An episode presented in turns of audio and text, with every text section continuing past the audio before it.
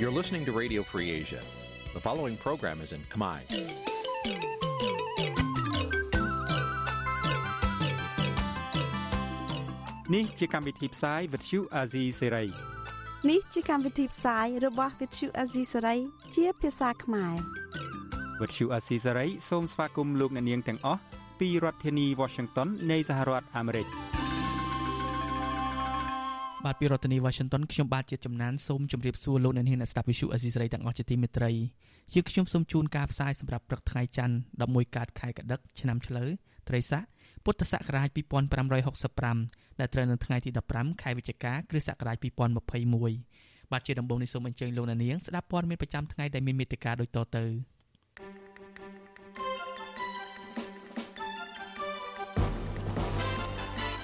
ក្រមសហជីពឯករាជ្យថាក្រសួងការងារនៅមិនទាន់ដោះស្រាយបញ្ហាច្រើនជូនកម្មករទណ្ឌកម្មអាមេរិកទំនងធ្វើឲ្យប៉ះពាល់ដល់ផ្ទៃក្នុងបកកាន់អំណាចពលរដ្ឋជាង3សែននាក់ទៅចុះឈ្មោះបោះឆ្នោតក្នុងរយៈពេល31ថ្ងៃនៃដំណើរការពិនិត្យបញ្ជីឈ្មោះនិងចុះឈ្មោះបោះឆ្នោតសម្រាប់ឆ្នាំ2021អ្នកលក់ដូរតាមដងផ្លូវ ស្នើឲ្យរដ្ឋាភិបាលទទួលស្គាល់និងបញ្ចូលពួកគេក្នុងប្រព័ន្ធបេឡាជាតិរបបសន្តិសុខសង្គមរួមនឹងព័ត៌មានសំខាន់សំខាន់មួយចំនួនទៀតបាទជាបន្តទៅទៀតនេះខ្ញុំបាទជាចំណានសូមជូនព័ត៌មានទាំងនេះពឺស្ដាក្រមសហជីពឯករាជ្យថាក្រសួងការងារនៅមិនទាន់ដោះស្រាយបញ្ហាជាច្រើនជូនកម្មករនៅឡើយទេជាពិសេសបញ្ហារបស់កម្មករវិស័យទេសចរនិងសេវាកម្ម ជាងនេះទៅទៀតពួកគាត់ថាច្បាប់ថ្មីស្ដីពីសហជីពធ្វើឲ្យមានការរឹតបន្តឹងនិងបញ្ហាជាច្រើនដល់ទំនាក់ទំនងរវាងក្រសួងនិងមន្ទីរការងារនិងសហជីព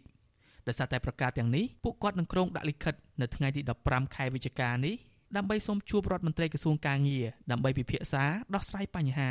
បាទលោកមុនណារ៉េតរាយការណ៍ព័ត៌មាននេះ លិខិតដែលសហព័ន្ធសហជីពកម្មករនយោជិតវិស័យទេសចរនិងសេវាកម្ម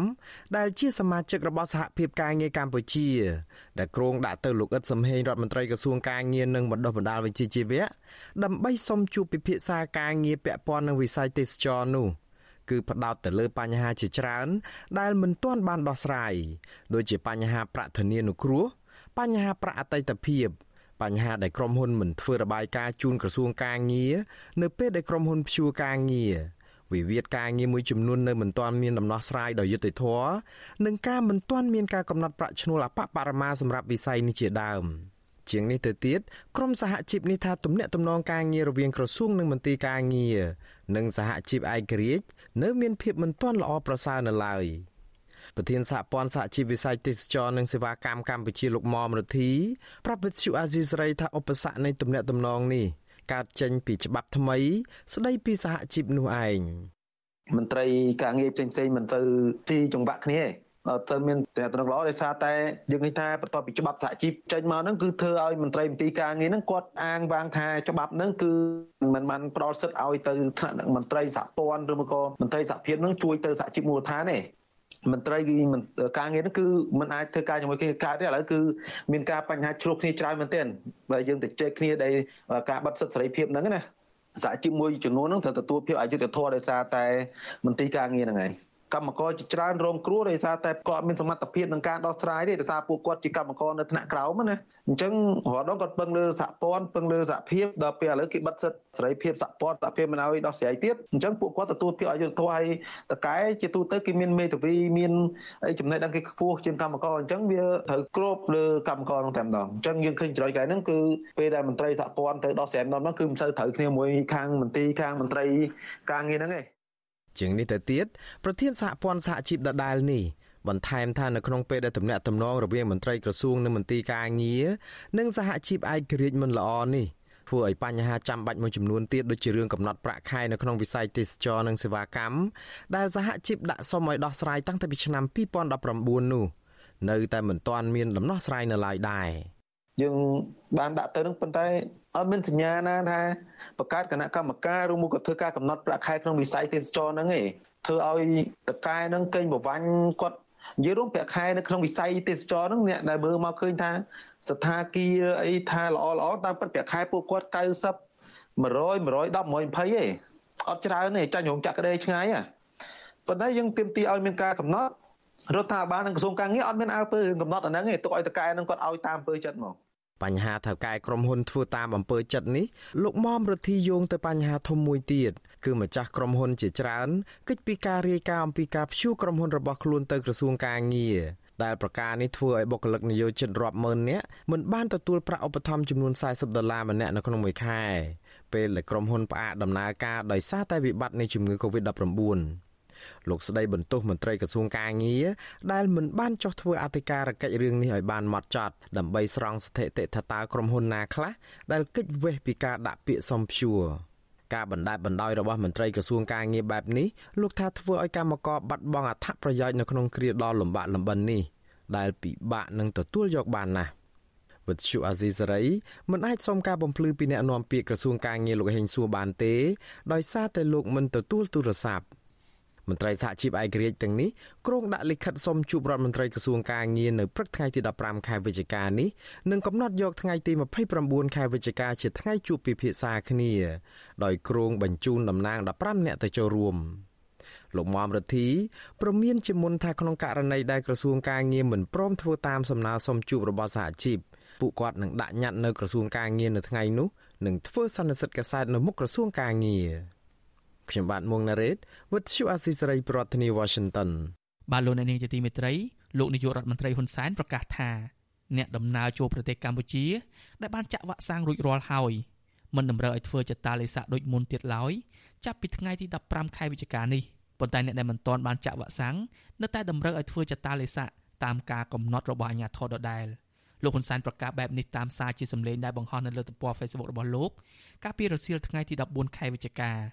តាក់ទងនឹងការធ្វើតេស្តរោគមេរោគ COVID-19 វិញដំបូងលោកហ៊ុនសែនប្រកាសថាអ្នកដំណើរដែលបានចាក់វ៉ាក់សាំងរួចត្រូវឆ្លងកាត់ការធ្វើតេស្តរោគជំងឺ COVID-19 ដោយម៉ាស៊ីនពិសោធន៍ PCR ជាមុនសិន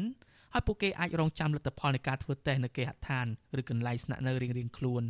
ប៉ុន្តែនៅប្រមាណនាទីក្រោយមកលោកហ៊ុនសែនក៏បានប្រកាសផ្លាស់ប្តូរចិត្តរបស់លោកវិញដោយមិនចាំបាច់ឲ្យអ្នកធ្វើដំណើរធ្វើតេស្តតាមម៉ាស៊ីនពិសោធន៍ PCR ទៀតនោះទេព្រោះចំណាយពេលច្រើន លោកសម្រេចឲ្យអ្នកធ្វើដំណើរចូលមកកម្ពុជាទាំងផ្លូវគោកផ្លូវទឹកនិងផ្លូវអាកាសធ្វើតេស្តតាមឧបករណ៍រហ័សឬ Rapid Test ជំនួសវិញ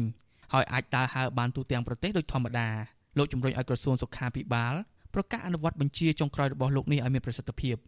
មេដឹកនាំដែលធ្លាប់មើលស្រាវជំងឺ Covid-19 រូបនេះអះអាងថាមូលហេតុដែលលោកសម្រេចបែបនេះដោយសារតែកម្ពុជាបានចាក់វ៉ាក់សាំងពេញលេញគ្របដណ្ដប់រហូតដល់ជិត88%នៃចំនួនប្រជាជន16លាននាក់ម្យ៉ាងទៀតលោកថាការសម្រេចនេះ គឺដើម្បីសម្រួលដល់ការធ្វើដំណើរចេញចូលក្នុងប្រទេសកម្ពុជាសម្រាប់អ្នកទេសចរអ្នកធុរកិច្ចគណៈប្រតិភូជាតិនិងអន្តរជាតិព្រមទាំងប្រជាពលរដ្ឋខ្មែរ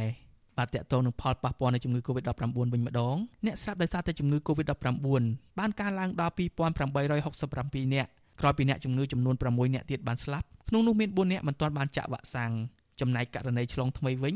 ក្រសួងសុខាភិបាលប្រកាសថា មាន55នាក់ដែលជាលទ្ធផលបញ្ជាក់ដោយម៉ាស៊ីន PCR ប៉ុន្តែតួលេខនេះមិនបានរាប់បញ្ចូលលទ្ធផលដែលពិនិត្យតាមឧបករណ៍តេររហ័សឬ Rapid Test នោះទេគិតត្រឹមព្រឹកថ្ងៃទី14ខែវិច្ឆិកាកម្ពុជាមានអ្នកកើតជំងឺ Covid-19 ជិត120,000នាក់ក្នុងនោះអ្នកជាសះស្បើយមានជាង110,000នាក់ក្រសួងសុខាភិបាលប្រកាសថាគិតត្រឹមថ្ងៃទី13ខែវិច្ឆិការដ្ឋាភិបាលបានចាក់វ៉ាក់សាំងជូនពលរដ្ឋដែលគ្រប់អាយុប្រមាណ10លាននាក់សម្រាប់ដូសទី1និងជាង9លាន6សែននាក់សម្រាប់ដូសទី2 ចំណែកកុមារនិងយុវជនដែលមានអាយុពី6ដល់17ឆ្នាំវិញក្រសួងបញ្ជាក់ថាបានចាក់វ៉ាក់សាំងជាង3លាន9សែននាក់ក្នុងចំណោមអ្នកដែលត្រូវចាក់វ៉ាក់សាំងសរុប4លាននាក់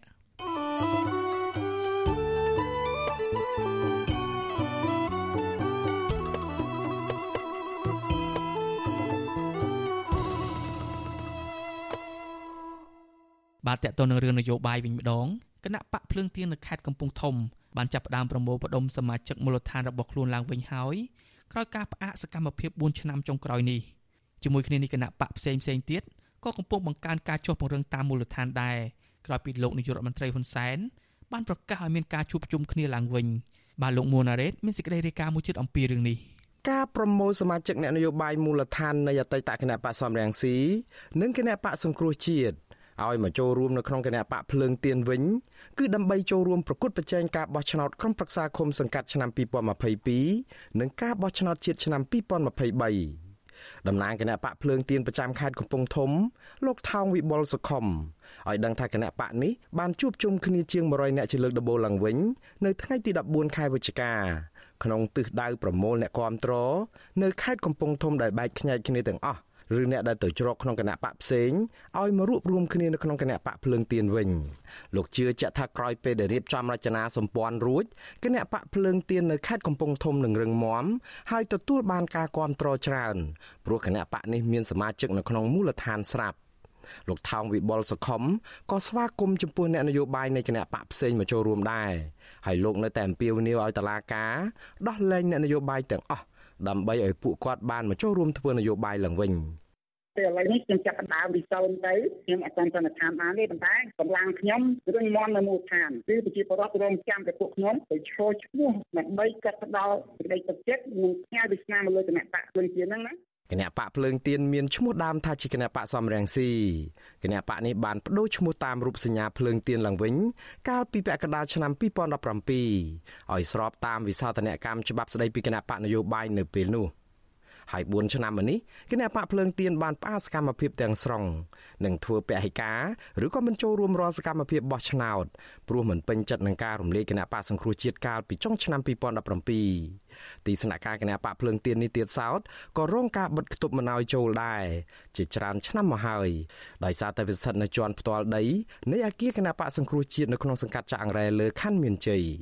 អ្នកនាំពាក្យគណៈបកភ្លើងទៀនលោកថៃសិដ្ឋាបានស្នើសុំឲ្យតុលាការដកបំរាម ដែលហាមឃាត់ការចូលទៅទីស្នាក់ការគណៈបកភ្លើងទៀនដើម្បីពួកគាត់អាចចូលធ្វើការវិញបាន។ បើទោះបីជាយ៉ាងនេះក្តីលោកបញ្ជាក់ប្រាប់វិទ្យុអាស៊ីសេរីនៅថ្ងៃទី14ខែវិច្ឆិកាថាគណៈបកភ្លើងទៀននឹងនៅតែបន្តធ្វើនយោបាយក្នុងនាមគណៈបកប្រឆាំងហើយសកម្មភាពនេះនឹងមិនប៉ះពាល់ដល់គណៈបកណាមួយឡើយ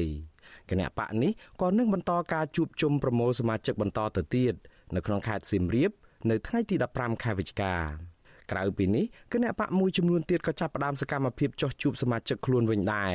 ក្រោយពេលលោកនាយរដ្ឋមន្ត្រីហ៊ុនសែនប្រកាសឲ្យជួបជុំសកម្មភាពនយោបាយឡើងវិញគណៈបកប្រជាធិបតេយ្យមូលដ្ឋានវិញគណៈបកនេះបានចោះជួបសមាជិកនៃអ្នកគាំទ្រនៅខេត្តកំពង់ធំដែរនៅថ្ងៃទី14ខែវិច្ឆិកា ណែនាំពាក្យគណៈបកនេះគឺលោកលឹកសុធាសង្កេតឃើញថាបើទោះបីជារដ្ឋាភិបាលប្រកាសឲ្យបើកជួបជុំគ្នាវិញមែនតែអាជ្ញាធរនៅតែបន្តការតាមដាននិងឃ្លាំមើលសកម្មភាពជួបជុំគ្នារបស់គណៈបកតាមមូលដ្ឋានចំណែកឯគណៈបកផ្នែកឈ្នះវិញគណៈបកនេះមិនទាន់គិតគូរដល់ការចុះមូលដ្ឋាននោះទេព្រោះត្រូវរៀបចំសមាជបកនៅសប្តាហ៍ក្រោយដើម្បីតែងតាំងលោកសួងសុភ័ណ្ឌដែលទើបត្រូវបានដោះលែងពីពន្ធនាគារ ឲ្យដឹកនាំគណៈបកនេះជាបន្តលោកសួងសុភ័ណ្ឌអះអាងថាគណៈបកផ្នែកឈ្នះនឹងចូលរួមទាំងសកម្មភាពនយោបាយនិងសង្គមដើម្បីទាមទារផលប្រយោជន៍ជូនប្រជាពលរដ្ឋ រីឯគណៈបកកណ្ដាលអំណាចវិញគណៈបកនេះក៏តែងតែចោះជួបសមាជិកនិងអ្នកគាំទ្រដែរអ្នកនាំពាក្យគណៈបកប្រជាជនកម្ពុជាលោកសុកអេសានយល់ថាការធ្វើសកម្មភាពទាំងឡាយជាសិទ្ធិស្របច្បាប់របស់គណៈបកនយោបាយដែលមានឈ្មោះនៅក្នុងបញ្ជីក្រសួងមហាផ្ទៃហើយសកម្មភាពទាំងអស់នោះនឹងមិនប៉ះពាល់ដល់ប្រជាប្រិយរបស់គណៈបកកណ្ដាលអំណាចនោះឡើយ។ ជាសិទ្ធិរបស់គណៈបកផ្សេងតែគាត់មានច្បាប់អនុញ្ញាតហើយគឺគាត់អាចធ្វើសកម្មភាពបានដោយសេរីហើយដោយតែគាត់នៅក្នុងក្របខ័ណ្ឌការណែនាំរបស់រាជរដ្ឋាភិបាលក្នុងវិធានការសុខាភិបាលដើម្បីការពារកុំឲ្យឆ្លោះឆ្លូលមានការឆ្លងរាតត្បាតនៃជំងឺ Covid-19 នឹងឯងអ្នកខ្លាំមើលសង្គមយល់ស្របនឹងការលើកឡើងរបស់គណៈបកកណ្ដាលអំណាច អ្នកសិក្សាផ្នែកច្បាប់លោកវ៉ាន់ចាន់ឡូតយល់ថាបើទោះបីជារដ្ឋាភិបាលបើកឲ្យមានការជួបជុំនិងមានវត្តមានគណៈបកភ្លើងទៀនចូលរួមឆាកនយោបាយវិញក៏ដោយក៏នៅតែមិនអាចប្រកួតជាមួយនឹងគណៈបកកាន់អំណាចបានដែរលោកជឿថាគណៈបកភ្លើងទៀនអាចប្រមូលសមាជិកខ្លួនមកពង្រឹងមូលដ្ឋានបានរឹងមាំតែពលរដ្ឋនៅតែឲ្យតម្លៃលើសម្ព័ន្ធភាពលោកសំរងស៊ីនិងលោកកំសុខាដូច្នេះទាល់តែអ្នកនយោបាយពីរនាក់នេះធ្វើការជាមួយគ្នា ទើបគណៈបកសង្គ្រោះជាតិមានលទ្ធភាពប្រកួតជាមួយនឹងគណៈបកកាន់អំណាចខ្ញុំបាទមុងណារ៉េត With you Aziz Ray ប្រធានាទី Washington បានតាក់ទងនឹងដំណើរការបោះឆ្នោតនេះដែរពលរដ្ឋជាង33000នាក់បានទៅចុះឈ្មោះបោះឆ្នោតក្នុងរយៈពេល31ថ្ងៃដែលគណៈកម្មាធិការរៀបចំការបោះឆ្នោតបានបើកដំណើរការពិនិត្យបញ្ជីនិងចុះឈ្មោះបោះឆ្នោតសម្រាប់ឆ្នាំ2021របាយការណ៍របស់កោជបឲ្យដឹងថា គិតចាប់ពីថ្ងៃទី12ខែតុលាដល់ថ្ងៃទី13ខែវិច្ឆិកាពលរដ្ឋចុះឈ្មោះថ្មីសរុបមានចំនួនជាង335,000នាក់ចំណែកអ្នកដែលកោជបនឹងលុបឈ្មោះចេញពីបញ្ជីបោះឆ្នោតមានសរុបជាង160,000នាក់កោជបបានបើកដំណើរការការពិនិត្យបញ្ជីឈ្មោះនិងការចុះឈ្មោះបោះឆ្នោតសម្រាប់ឆ្នាំ2021នៅទូទាំងប្រទេសរយៈពេល50ថ្ងៃដែលក្រុងបិទបញ្ចប់នៅថ្ងៃទី30ខែវិច្ឆិកា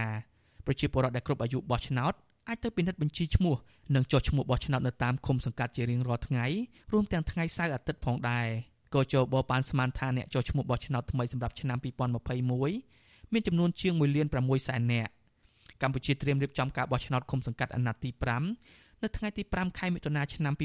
2022និងការបោះឆ្នោតជាតិជ្រើសតាំងតំណាងរាស្ត្រអាណត្តិទី7នៅខែកក្កដាឆ្នាំ2023សហគមន៍ជាតិនិងអន្តរជាតិ នៅតែបន្តជំរុញឲ្យកម្ពុជាបើកលំហសិទ្ធិពលរដ្ឋនិងសិទ្ធិនយោបាយឡើងវិញកែប្រែច្បាប់នានាដែលពាក់ព័ន្ធនឹងការបោះឆ្នោតកែតម្រង់និងធានាឯករាជ្យភាពរបស់ស្ថាប័នរៀបចំការបោះឆ្នោតនេះឲ្យបានមុនការបោះឆ្នោត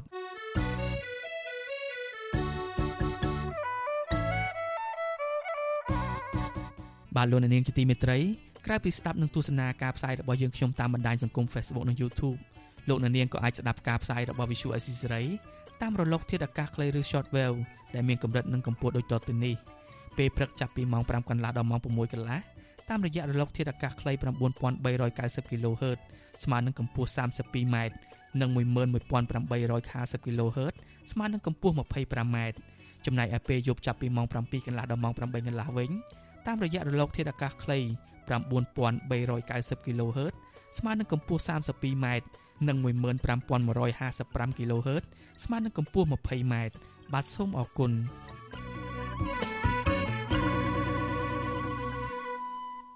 បាទលោកអ្នកនាងអ្នកស្ដាប់ជាទីមេត្រីមន្ត្រីក្រសួងមហាផ្ទៃបានចុះស៊ើបអង្កេតលើករណីអ្នកទោស7នាក់ហែកគុករត់នៅខេត្តស្ទឹងត្រែងអ្នកនាំពាក្យសាលាខេត្តស្ទឹងត្រែងលោកម៉ែនគង់បានអះអាងថាអាញាធរកំពុងចោះស្រាវជ្រាវពាក់ព័ន្ធនឹងករណីអ្នកទោសហែកគុករត់ប៉ុន្តែលោកមិនទទួលបានលទ្ធផលនោះទេព្រោះមិនទាន់បិទបញ្ចប់ការស្រាវជ្រាវការស៊ើបអង្កេតនេះ ធ្វើឡើងក្រោយពីរដ្ឋមន្ត្រីក្រសួងមហាផ្ទៃលោកសខេងបានចេញបញ្ជាឲ្យធ្វើអធិការកិច្ចប្រកបដោយការទទួលខុសត្រូវលើករណីនេះកាលពីម៉ោង3ទៀបភ្លឺថ្ងៃទី8ខែវិច្ឆិកាមានអ្នកទោស7នាក់បានលួចរត់ចេញពីពន្ធនាគារខេត្តស្ទឹងត្រែងអ្នកទោសទាំង7នាក់នោះមាន6នាក់ជាប់ពាក់ព័ន្ធនឹងបទល្មើសជួញដូរគ្រឿងញៀននិងម្នាក់ទៀតជាប់ពាក់ព័ន្ធនឹងបទល្មើសលួចដែលមានស្ថានទម្ងន់ទោសដោយសារតែការប្រើទារុណកម្មនឹងអំពើខូខើស្នងការនគរបាលខេត្តស្ទឹងត្រែងលោកអួតស៊ីវថា បានប្រាប់កាសែតក្នុងស្រុកថាអ្នកទោសទាំង7នាក់នោះបានវាយទម្លាយចិញ្ចាំងគុករួចរត់គេចខ្លួនតែម្ដងលោកបញ្ជាក់ថាពេលចុះពិនិត្យទីតាំងជាក់ស្ដែងគឺសមត្ថកិច្ចបានរកឃើញឧបករណ៍មួយចំនួនដែលក្រុមអ្នកទោសទាំងនោះប្រើប្រាស់សម្រាប់វាយទម្លាយរបងថ្មដូចជាប្រដាប់ខួងដែកត្រសេះឈើនិងមានខ្នើយភួយដើម្បីខ្ទប់វាយមិនឲ្យលឺសំឡេងខ្លាំងលោកអ៊ុតស៊ីវថា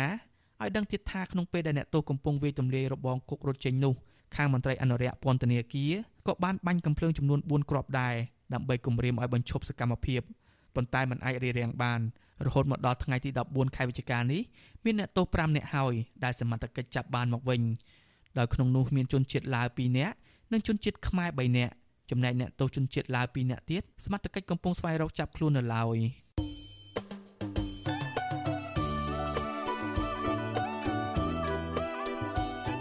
បាទលោកអ្នកនាងអ្នកស្ដាប់ជាទីមេត្រីក្នុងឱកាសនេះដែរខ្ញុំបាទសូមថ្លែងអំណរគុណដល់លោកអ្នកនាងកញ្ញាទាំងអស់ដែលតែងតែមានភក្ដីភាពចំពោះការផ្សាយរបស់យើងហើយចាត់ទុកការផ្សាយរបស់ Visual Assisary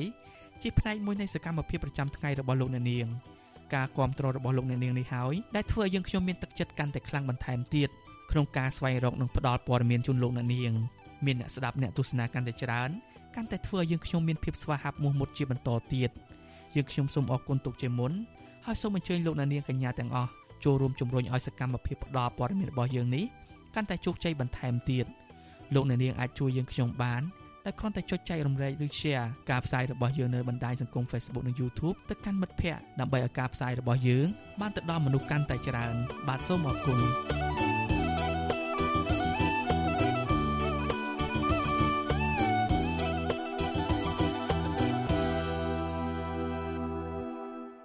បាទលោកនាងជាទីមេត្រីរដ្ឋមន្ត្រីក្រសួងសាធារណការនិងដឹកជញ្ជូនលោកសុនចន្ទថុលអះអាងថាគម្រោងសាងសង់ផ្លូវ38ខ្សែនៅក្រុងសៀមរាបខេត្តសៀមរាបនឹងបញ្ចប់ទាំងស្រុងនៅដំណាច់ឆ្នាំ2021នេះការអះអាងនេះធ្វើឡើងក្នុងឱកាសដែលលោកសុនចន្ទថុលបានចូលរួមប្រជុំពិនិត្យមើលគម្រោងស្ថាបនាហេដ្ឋារចនាសម្ព័ន្ធនេះនៅថ្ងៃទី13ខែវិច្ឆិកាគម្រោងស្ថាបនាផ្លូវ38ខ្សែនេះមានគោលដៅប្រែក្លាយក្រុងសៀមរាបដែលជាក្រុងទេសចរវប្បធម៌និងប្រវត្តិសាស្ត្រ ឲ្យមានសម្ព័ន្ធភាពបរិស្ថានល្អដែលអាចទាក់ទាញភ្ញៀវទេសចរបានកាន់តែច្រើនដើម្បីលើកស្ទួយសេដ្ឋកិច្ចជាតិព្រមទាំងសម្រួលដល់ការតភ្ជាប់ពីទីក្រុងជនបទក្រុងសៀមរាបទៅកាន់តំបន់ដាច់ស្រយាលផងដែរគម្រោងសាងសង់នេះមានប្រវែងសរុបជាង106,000គីឡូម៉ែត្រប្រើប្រាស់ថវិកាជាតិសរុបប្រមាណ140លានដុល្លារអាមេរិកនិងថវិកាជាង9លានដុល្លារអាមេរិកទៀតសម្រាប់ចំណាយលើការងារចាំបាច់ក្នុងការរៀបចំស្ថាប័នប្រព័ន្ធលូទឹកភ្លៀងនិងទឹកកខ្វក់ ស្ថិតក្រៅគម្រោងសាងសង់ខ្សែផ្លូវត្រឹមថ្ងៃទី10ខែវិច្ឆិកាឆ្នាំ2021លទ្ធផលការងារនៃគម្រោងសាងសង់ផ្លូវ38ខ្សែនេះបានសម្រេចជិត90%ហើយនៃទំហំការងារសរុបនិងគ្រោងបញ្ចប់នៅចុងខែធ្នូឆ្នាំ2021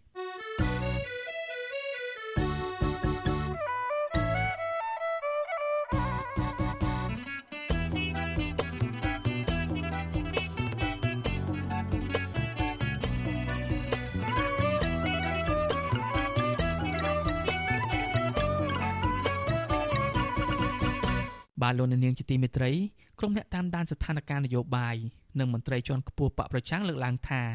តនកម្មជាបន្តបន្ទាប់របស់សហរដ្ឋអាមេរិកលើមន្ត្រីកម្ពុជា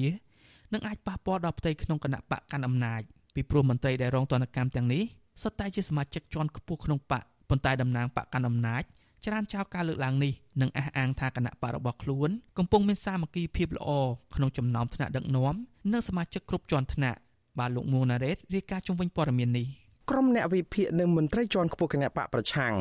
យល់ឃើញស្របគ្នាថាទណ្ឌកម្មរបស់សហរដ្ឋអាមេរិកអាចនឹងធ្វើឲ្យគណៈបកប្រជាជនកម្ពុជាមានបញ្ហាផ្ទៃក្នុង ជាពិសេសការអអន់ស្រពន្ធចិត្តនិងការព្រួយបារម្ភនៅក្នុងចំណោមសមាជិកជាន់ខ្ពស់នៃគណៈបកនេះ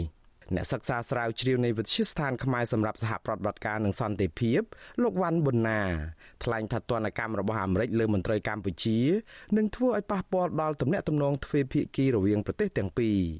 ក៏ប៉ុន្តែក្នុងពេលជាមួយគ្នានេះវាក៏នាំឲ្យមានការមិនសប្បាយចិត្តនៅក្នុងជួរសមាជិកគណៈបកកណ្ដាលអំណាចដែរព្រោះមន្ត្រីដែលរងទណ្ឌកម្មត្រូវជាប់ឈ្មោះថាជាអ្នកដែលបានប្រព្រឹត្តអំពើពុករលួយ ឬរំលោភសិទ្ធិមនុស្សធ្ងន់ធ្ងរ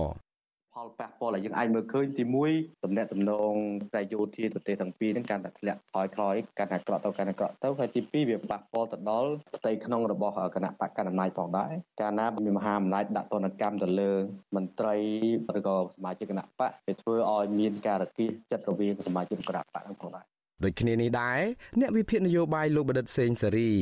យល់ថាទណ្ឌកម្មរបស់អាមេរិកប្រកាសជាបង្កបញ្ហាដល់ផ្ទៃក្នុងគណៈបកកណ្ដាលអំណាច ក៏ប៉ុន្តែលោកថាផលប៉ះពាល់ដល់កម្រិតណានិងក្នុងរូបភាពយ៉ាងណានោះ គេមិនទាន់អាចដឹងបានច្បាស់នៅឡើយទេបណ្ឌិតសេងសេរីថ្លែងទៀតថាមកដល់ពេលនេះទណ្ឌកម្មដែលសហរដ្ឋអាមេរិកបានដាក់លើមន្ត្រីកម្ពុជា នៅមានលក្ខណៈជាការស្ទាបស្ទង់នៅឡើយព្រោះសហរដ្ឋអាមេរិកចង់ឲ្យមានការសម្រួលស្ថានភាពនយោបាយឡើងវិញអ្វីដែលជារឿងចម្ងល់ហ្នឹងបើសិនជាអាមេរិកមានចេតនានៅក្នុងការប្រើប្រាស់យន្តការទណ្ឌកម្មដាក់ដើម្បីដោះស្រាយបញ្ហារឿង ជាតបតៃសិទ្ធិមនុស្សអីនៅកម្ពុជាហ្នឹងគឺគួរតែដាក់ផ្ទាល់ទៅលើប្រមុខរដ្ឋាភិបាលតែម្ដងឬក៏ប្រធានគណៈបកអីចឹងទៅក៏ប៉ុន្តែលើនេះយើងឃើញថារបៀបដាក់ហ្នឹងគឺដាក់ទៅលើអ្នកតូចតូចសិនជំវិញណាដើម្បីស្ទង់មើលថាតើមានប្រតិកម្មបែបណាឬក៏អាចជំរុញឲ្យមានការចរចាទេស្រដៀងគ្នានេះដែរអតីតតំណាងរាស្ត្រនឹងជាមន្ត្រីជាន់ខ្ពស់គណៈបកសង្គ្រោះជាតិលោកអ៊ុំសំអាន ជឿជាក់ថាមន្ត្រីដែលរងទណ្ឌកម្មពីសហរដ្ឋអាមេរិកអាចនឹងកើតទុកមិនសុខចិត្តថាតើហេតុអ្វីបានជាមានតែពួកគេដែលរងទណ្ឌកម្មស្របពេលដែលថ្នាក់ដឹកនាំនិងសមាជិកជាន់ខ្ពស់ដទៃទៀតនៅក្នុងបកនេះក៏មានជាប់ពាក់ព័ន្ធនឹងអំពើពុករលួយនិងការរំលោភសិទ្ធិមនុស្សធ្ងន់ធ្ងរដូចគ្នាលោកបន្តថាមន្ត្រីជាន់ខ្ពស់ដទៃទៀតនៅក្នុងបកកណ្ដាលអំណាចប្រកាសជាកំពុងតែព្រួយបារម្ភអំពីការរងទណ្ឌកម្មនេះដែរព្រោះពួកគេមានទ្រព្យសម្បត្តិហូរហៀមានចំនួនច្រើនមុខ ឬមានគ្រួសារនិងកូនចៅដែលកំពុងតែស្នាក់នៅបរទេសជាដើម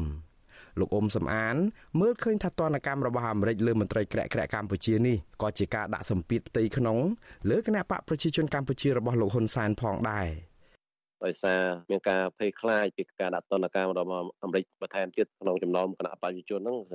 តែធំធំហ្នឹងមិនសប្បាយចិត្តចំពោះលោកហ៊ុនសែនហ្នឹងគឺជំរុញទៅដល់លោកហ៊ុនសែនដូច្នេះលោកហ៊ុនសែនចុងក្រោយគ្មានជំរើសអីផ្សេងទេត្រូវតែងាកមកផ្លូវវិជារដ្ឋាភិបាលព្រោះកូនចៅដាក់សម្ពាធខ្លាំងហ្នឹងការលើកឡើងរបស់ក្រុមអ្នកតាមដានស្ថានភាពនយោបាយនិងមន្ត្រីជាន់ខ្ពស់បកប្រឆាំងនេះ គឺធ្វើឡើងនៅក្រៅពេលដែលសហរដ្ឋអាមេរិកបានប្រើច្បាប់សកល Global Magnitsky Act ដែលមានអធិបុលអនុវត្តនៅទូទាំងពិភពលោកដើម្បីដាក់ទណ្ឌកម្មលើមន្ត្រីកម្ពុជាដែលជាប់ពាក់ព័ន្ធនឹងអំពើពុករលួយនិងការរំលោភសិទ្ធិមនុស្សធ្ងន់ធ្ងរជាបន្តបន្ទាប់គិតមកត្រឹមខែវិច្ឆិកាឆ្នាំ2021នេះមានមន្ត្រីជាន់ខ្ពស់របបក្រុងភ្នំពេញចំនួន4រូបទៅហើយដែលរងទណ្ឌកម្មពីសហរដ្ឋអាមេរិក ពួកគេសុទ្ធសឹងតែជាមន្ត្រីយោធាកម្ពុជាកម្ពុជាពាក់ផ្កាយ4រួមមានអនុប្រធានទី1គណៈកម្មការជាតិគ្រប់គ្រងគ្រោះមហន្តរាយលោកគុណគឹមមេបញ្ជាការកងអង្គរៈលោកហ៊ុនសែនគឺលោកហ៊ីងប៊ុនហៀងអគ្គនាយកនៃអគ្គនាយកដ្ឋានសម្ភារៈបច្ចេកទេសក្រសួងការពារជាតិលោកចៅភិរុននិងមេបញ្ជាការកងទ័ពជើងទឹកលោកទាវិញនៅក្នុងជួរបកវិញលោកទាំង4នាក់គឺជាសមាជិកជាន់ខ្ពស់របស់គណៈបកកណ្ដាលអំណាចលោកគុណគឹមគឺជាសមាជិកគណៈអចិន្ត្រៃយ៍ដែលជាក្បាលម៉ាស៊ីនដឹកនាំរបស់បក រីឯលោកហ៊ីងប៊ុនហៀងលោកចៅភិរុននិងលោកទាវិញគឺជាសមាជិកគណៈកម្មាធិការកណ្ដាលរបស់គណៈបកតាមពិតសហរដ្ឋអាមេរិកមិនមែនដាក់ទណ្ឌកម្មទៅលើមន្ត្រីជាន់ខ្ពស់ទាំង4រូបនេះនោះទេក៏ប៉ុន្តែដាក់លើសមាជិកគ្រួសារនិងក្រុមហ៊ុនរបស់ពួកគេផងដែរដោយទណ្ឌកម្មនោះរួមមានការហាម5ពួកគេមិនឲ្យចូលទឹកដីអាមេរិកនិងបង្កកទ្រព្យសម្បត្តិជាដើម។ឆ្លើយតបនឹងរឿងនេះមន្ត្រីជាន់ខ្ពស់នឹងជាអ្នកណែនាំពាក្យគណៈបកកណ្ដាលអំណាចលោកសុកអេសាន អះអាងថាទណ្ឌកម្មរបស់អាមេរិកមិនរង្គោះរង្គើដល់ផ្ទៃក្នុងគណៈបកប្រជាជនកម្ពុជានោះទេទោះជាអ្នករងទណ្ឌកម្មនោះគឺជាសមាជិកជាន់ខ្ពស់របស់គណៈបកនេះក៏ដោយគណៈបកបានកំណត់ច្បាស់ហើយគឺថាសន្តិអាចផ្ទៃក្នុងវាជាកត្តាកំណត់ស្លាប់រស់របស់គណៈបកវាអត់មានគោលធ្វើអីទេហើយការដាក់ទណ្ឌកម្មវាជាការយាយីពីខាងក្រៅវាអត់មានអីដល់ផ្ទៃក្នុងគណៈបកប្រជាជនកម្ពុជាទេបាទ ទោះបីជាយ៉ាងនេះក្តីមន្ត្រីជាន់ខ្ពស់គណៈបកប្រឆាំងលោកអ៊ុំសំអានយល់ថានេះគ្រាន់តែជាការបកស្រាយឲ្យល្អមើលពីខាងក្រៅតែប៉ុណ្ណោះព្រោះបកកណ្ដាលអំណាច មានវប្បធម៌ហាមរិះគន់គ្នាជាសាធារណៈលោកជឿថាផ្ទៃក្នុងគណៈបកកណ្ដាលអំណាចប្រកាសជាមានបញ្ហាច្រើនពីព្រោះអ្នករងទណ្ឌកម្មនិងសមាជិកជាន់ខ្ពស់ដទៃទៀតនៅក្នុងបកនេះច្រើនតែជាអ្នកចាំទទួលរងថ្មបាក់ពីលោកហ៊ុនសែនដែលជាមេខ្លោងនៃការរំលោភសិទ្ធិមនុស្សធ្ងន់ធ្ងរនិងបំផ្លាញប្រជាធិបតេយ្យនៅកម្ពុជា នៅពេលសភាអាមេរិកនិងប្រទេសអាមេរិកអនុម័តសេចក្តីព្រៀងច្បាប់ដើម្បីដាក់ទណ្ឌកម្មទៅលើមន្ត្រីដែលជាថ្នាក់ដឹកនាំគណៈបព្វជិជនមួយចំនួនថែមទៀតហ្នឹងនៅប៉ះទៅដល់ពួកគាត់ហើយដូច្នេះពួកគាត់មានការភ័យព្រួយទាំងគាត់ទាំងក្រុមគ្រួសារគាត់ហ្នឹងអញ្ចឹងប្រកាសជាមិនពេញចិត្តចំពោះថ្នាក់ដឹកនាំកម្ពុជាដូចជាលោកហ៊ុនសែនដែលដឹកនាំប្រទេសតាមរបៀបផ្ដាច់ការដោយសពថ្ងៃគឺចង់ឲ្យងាកមកផ្លូវប្រជាធិបតេយ្យដូច្នេះប្រកាសជាមានការរង្គោះរង្គើធ្ងន់ធ្ងរឥឡូវនេះក្នុងចំណោមគណៈបព្វជិជនណា តកតងនឹងរឿងទណ្ឌកម្មនេះក្រុមអ្នកតាមដានស្ថានភាពនយោបាយនិងគណៈបកប្រឆាំងជឿជាក់ថាសហរដ្ឋអាមេរិកអាចនឹងបន្ធូរដៃវិញខ្លះប្រសិនបើរបបលោកហ៊ុនសែនព្រមស្ដារលទ្ធិប្រជាធិបតេយ្យការគោរពសិទ្ធិប្រជាពលរដ្ឋនិងបញ្ឈប់នយោបាយការបរទេសលំអៀងទៅរកប្រទេសចិនផ្ទុយទៅវិញបើចំណុចទាំងនេះមិនត្រូវបានអនុវត្តទេសហរដ្ឋអាមេរិកអាចនឹងពង្រីកទណ្ឌកម្មបន្ថែមទៀតហើយសូម្បីតែលោកហ៊ុនសែននិងក្រុមគ្រួសារក៏ទំនងជាកិច្ចមិនផុតពីទណ្ឌកម្មទាំងនេះនោះដែរ។ សហរដ្ឋអាមេរិកបានប្រកាសជាចំហនៅពេលថ្មីថ្មីនេះថាអាមេរិកបដិញ្ញាចិត្តចំពោះប្រជាពលរដ្ឋខ្មែរនិងបំណងប្រាថ្នារបស់ពួកគេដើម្បីសុខសន្តិភាព ភាពរុងរឿងប្រជាធិបតេយ្យនិងអនាគតប្រកបដោយសមធម៌ជាមួយគ្នានេះសហរដ្ឋអាមេរិកបដិញ្ញាចំពោះប្រជាពលរដ្ឋខ្មែរនៅក្នុងការជំរុញឲ្យមានការទទួលខុសត្រូវចំពោះសកម្មភាពអូក្រិដ្ឋការធ្វើជំនួញពុករលួយ និងការរំលោភបំពានផ្នែកសិទ្ធិមនុស្សគ្រប់បែបយ៉ាងខ្ញុំបាទមុងណារ៉េត វិទ្យុអាស៊ីសេរីប្រធានាធិបតី Washington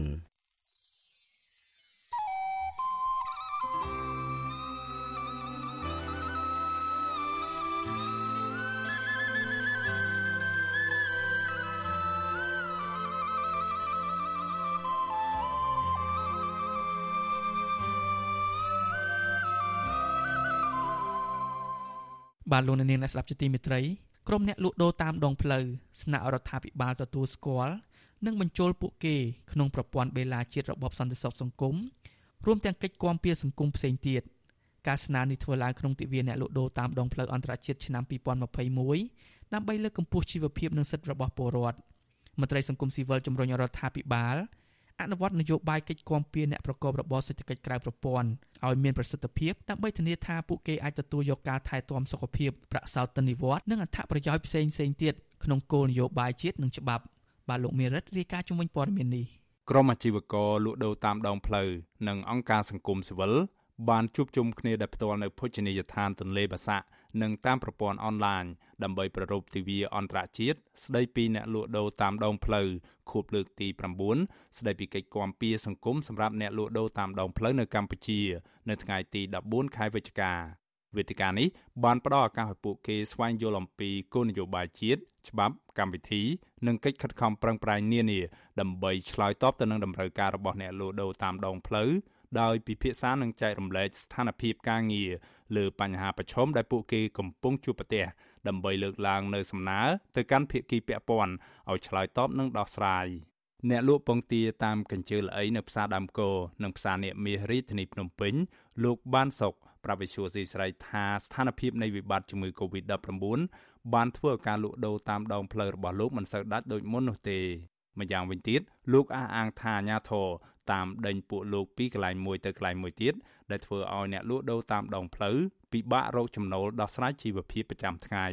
បរិះវ័យ45ឆ្នាំរូបនេះឲ្យដឹងទៀតថាលោកបានសម្រេចដាក់លក់ដីរបស់ម្ដាយដើម្បីសងបំណុលធនាគារនិងដោះស្រាយជីវភាពគ្រួសារដែលកំពុងខ្វះខាតខ្លាំងខណៈគ្រួសាររបស់លោកឈឺម្ដងម្កាលគ្មានប្រាក់បង់ឲ្យមន្ទីរពេទ្យនោះទេលោកដឹងទៀតថាបច្ចុប្បន្ន បញ្ហាប្រឈមរបស់អ្នកលក់ដូរនៅតាមផ្លូវគឺត្រូវបង់ភាសីជាប្រចាំនៅក្នុងតម្លៃប្រមាណ1000រៀលដល់សន្តិសុខនិងប៉ូលីស500រៀលនៅក្នុងមួយថ្ងៃដោយសារតែគ្មានកន្លែងលក់ដូរច្បាស់លាស់ហើយត្រូវអាជ្ញាធរខណ្ឌដេញទៀតផង។ ណាខាងរដ្ឋាភិបាលហ្នឹងគាត់ជួយមើលខាងអាជីវករតាមដងផ្លូវតាមផ្សារអញ្ចឹងណាឲ្យមានកន្លែងគាត់លក់ដូរត្រឹមត្រូវកុំឲ្យគាត់ពិបាកថ្ងៃគាត់ពិបាកផ្លូវចិត្តកុំឲ្យគាត់គៀបសកត់អ្នកលក់អញ្ចឹងណែអ្នកយកលុយអ្នកដេញក៏ដេញទៅអ្នកយកក៏យកទៅដោយអាណាធិបតេយ្យដល់ហើយលោកបានសុកក៏ចង់ឲ្យអាជ្ញាធរបញ្ឈប់ការចាប់អ្នកលក់ដូរតាមដងផ្លូវហើយរកទីតាំងសម្រាប់ឲ្យពួកគេអាចលក់ដូរបានសមរម្យ និងផ្ដល់អត្ថប្រយោជន៍ពីប្រព័ន្ធរបបកិច្ចគាំពារសង្គមដែលមានដូចជាបានសមត្ថៈឬបានព្យាបាលជំងឺដែលមិនគិតថ្លៃនៅតាមមន្ទីរពេទ្យរដ្ឋមិនខុសពីមន្ត្រីរាជការនិងកម្មករនៅក្នុងវិស័យកាត់ដេរនិងស្បែកជើងដែរថ្ងៃទី14ខែវិច្ឆិកាគឺជាទិវាអន្តរជាតិស្ដីពីអ្នកលក់ដូរតាមដងផ្លូវដែលមានការចូលរួមមកពីតំណាងក្រុមអ្នកលក់ដូរតាមដងផ្លូវនិងក្រុមអង្គការសមាគមជាតិនិងអន្តរជាតិក្នុងនោះ មានដូចជាសមាគមប្រជាធិបតេយ្យនៃសេដ្ឋកិច្ចក្រៅប្រព័ន្ធអង្គការអុកស្វាមកម្ពុជាមជ្ឈមណ្ឌលសម្ព័ន្ធភាពការងារនិងសិទ្ធិមនុស្សហៅកាត់ថាសង្ត្រាល់និងអង្គការដៃគូអភិវឌ្ឍមួយចំនួនទៀត វេទិកានេះបានអនុញ្ញាតឲ្យអ្នកចូលរួមដោយផ្ទាល់ប្រមាណ50នាក់និងតាមប្រព័ន្ធអនឡាញប្រមាណ300នាក់រំលឹកឡើងវិញអំពីការចូលរួមចំណែកនៅក្នុងការដោះស្រាយស្ថានភាពលក់ដូរនិងការរស់នៅរបស់អ្នកលក់ដូរតាមដងផ្លូវព្រមទាំងការចូលរួមចំណាយរបស់ពួកគេនៅក្នុងការអភិវឌ្ឍសេដ្ឋកិច្ចជាតិលើសពីនេះទៀតពួកគេក៏ជំរុញឲ្យរដ្ឋាភិបាលទទួលស្គាល់ចំពោះអ្នកលក់ដូរតាមដងផ្លូវឲ្យដូចកម្មករដទៃទៀតដែរ ប្រធានសមាគមឯករាជ្យនៃសេដ្ឋកិច្ចក្រៅប្រព័ន្ធលោកវុនពៅ សង្កេតឃើញថាស្ថានភាពរបស់ក្រុមអ្នកលក់ដូរតាមដងផ្លូវកំពុងប្រឈមនៅបញ្ហាជីវភាពលំបាកលំបិននិងបាត់បង់នៅប្រាក់ចំណូលប្រចាំថ្ងៃដោយសារតែវិបត្តិជំងឺ Covid-19 ដែលលោកថាធ្វើឲ្យពួកគេមួយចំនួនបានបោះបង់ចោលមុខរបរលក់ដូរតាមដងផ្លូវដោយបង្ខំព្រោះតែគ្មានប្រាក់សម្រាប់បង្ខាត់ជាបន្តទៀត លោកជំរុញឲ្យក្រសួងកាងារទទួលស្គាល់និងបញ្ចូលអ្នកលក់ដូរតាមដងផ្លូវព្រមទាំងកម្មករក្រៅប្រព័ន្ធទាំងអស់ទៅក្នុងប្រព័ន្ធបេឡាជាតិនៃរបបសន្តិសុខសង្គមដើម្បីឲ្យរដ្ឋជួយលើកស្ទួយជីវភាពរបស់ពួកគាត់នៅក្នុងអំឡុងពេលប្រឈមទៅនឹងការលំបាកទាំងនេះឯកទេសក្រៅប្រព័ន្ធហ្នឹងគឺចង់ឲ្យរដ្ឋឆ្លើយតបឲ្យទាន់ពេលវេលាទាក់ទងទៅនឹងការធ្វើបានបសសតាមរយៈបេឡាជាតិសន្តិសុខសង្គមហ្នឹងទី2គឺត្រូវឆ្លើយតបបន្ទាន់នោះគឺត្រូវជួយគាត់ គ្រួគាត់ក្នុងស្ថានភាពពេលនេះគឺគាត់បាត់ប្រាក់ចំណូលស្ថានភាពជីវភាពកំពុងតែខ្វះខាតហើយរដ្ឋត្រូវស្ដារឡើងវិញនៅការដួលរលំនៃមុខរបរនៅអាជីវកម្មរបស់គាត់រដ្ឋអាចផ្ដល់ជាហិរញ្ញប្បទានដែលគ្មានការប្រាក់សម្រាប់ជួយគាត់ដើម្បីឲ្យគាត់បើកមុខរបរឡើងវិញនៅក្នុងពេលដែលប្រទេសកម្ពុជាបានបើកទ្វារនេះទិវាអន្តរជាតិនៃអ្នកលក់ដូរតាមដងផ្លូវត្រូវបានបង្កើតដំបូងឡើងនៅឆ្នាំ2012នៅទ្វីបអាហ្វ្រិក នៅកម្ពុជាទិវានេះបានប្រារព្ធជាលើកទី1កាលពីឆ្នាំ2014ដោយក្នុងនោះក្រុមអ្នកលក់ដូរតាមដងផ្លូវបាននាំគ្នាចាប់ផ្ដើមទាមទារចង់ឲ្យមានកន្លែងលក់ដូរត្រឹមត្រូវនៅតាមដងផ្លូវដោយមិនមានការធ្វើទុកបុកម្នេញពីអាជ្ញាធរកន្លងមកដំណើររបស់ក្រុមអ្នកលក់ដូរតាមដងផ្លូវតែងស្នើសុំកិច្ចគាំពារសង្គមនិងអត្ថប្រយោជន៍ផ្សេងៗពីសំណាក់អាជ្ញាធរក៏ប៉ុន្តែពួកគេមិនទទួលបាននឹងការយកចិត្តទុកដាក់នោះទេ លោកវ៉ុនពៅថាអាញាធននៅតែបន្តប្រើប្រាស់អំពើហិង្សានិងចោះចាប់អ្នកលក់ដូរតាមប្រទេសអ្នកលក់ដូរតាមដងផ្លូវមិនថមថយនោះទេទូយ៉ាងដូចជាករណីនៅរាជធានីភ្នំពេញក្រុងព្រះសីហនុនិងក្រុងសៀមរាបក្រុមហេតុផលដើម្បីរក្សាសន្តិភាពធ្នាប់តាមដងផ្លូវសាធារណៈជាដើមតំណាងអ្នកលក់ដូរតាមដងផ្លូវលោកស្រីលៀនសុភាលើកឡើងថាអ្នកលក់ដូរតាមដងផ្លូវជួបនៅទុកលំបាកជាបន្តបន្ទាប់ ក៏ប៉ុន្តែអាជ្ញាធររដ្ឋមិនបានយកចិត្តទុកដាក់ចំពោះពួកគេនោះឡើយជាពិសេសនៅក្នុងស្ថានភាពនៃជំងឺ Covid-19 នេះលោកស្រីបន្តថាកម្មករក្រៅប្រព័ន្ធជាច្រើនដូចជាអ្នកលក់ដូរតាមដងផ្លូវអ្នករត់រមាក់អ្នករើសអេតចាយអ្នកធ្វើការតាមផ្ទះនិងកម្មករផ្សេងផ្សេងទៀតបច្ចុប្បន្នកំពុងប្រឈមនៅបញ្ហាជាច្រើនដោយសារតែកន្លែងលក់ដូរមិនសមរម្យនិងរងនឹងការបៀតបៀនពីសំណាក់អាជ្ញាធរជាដើម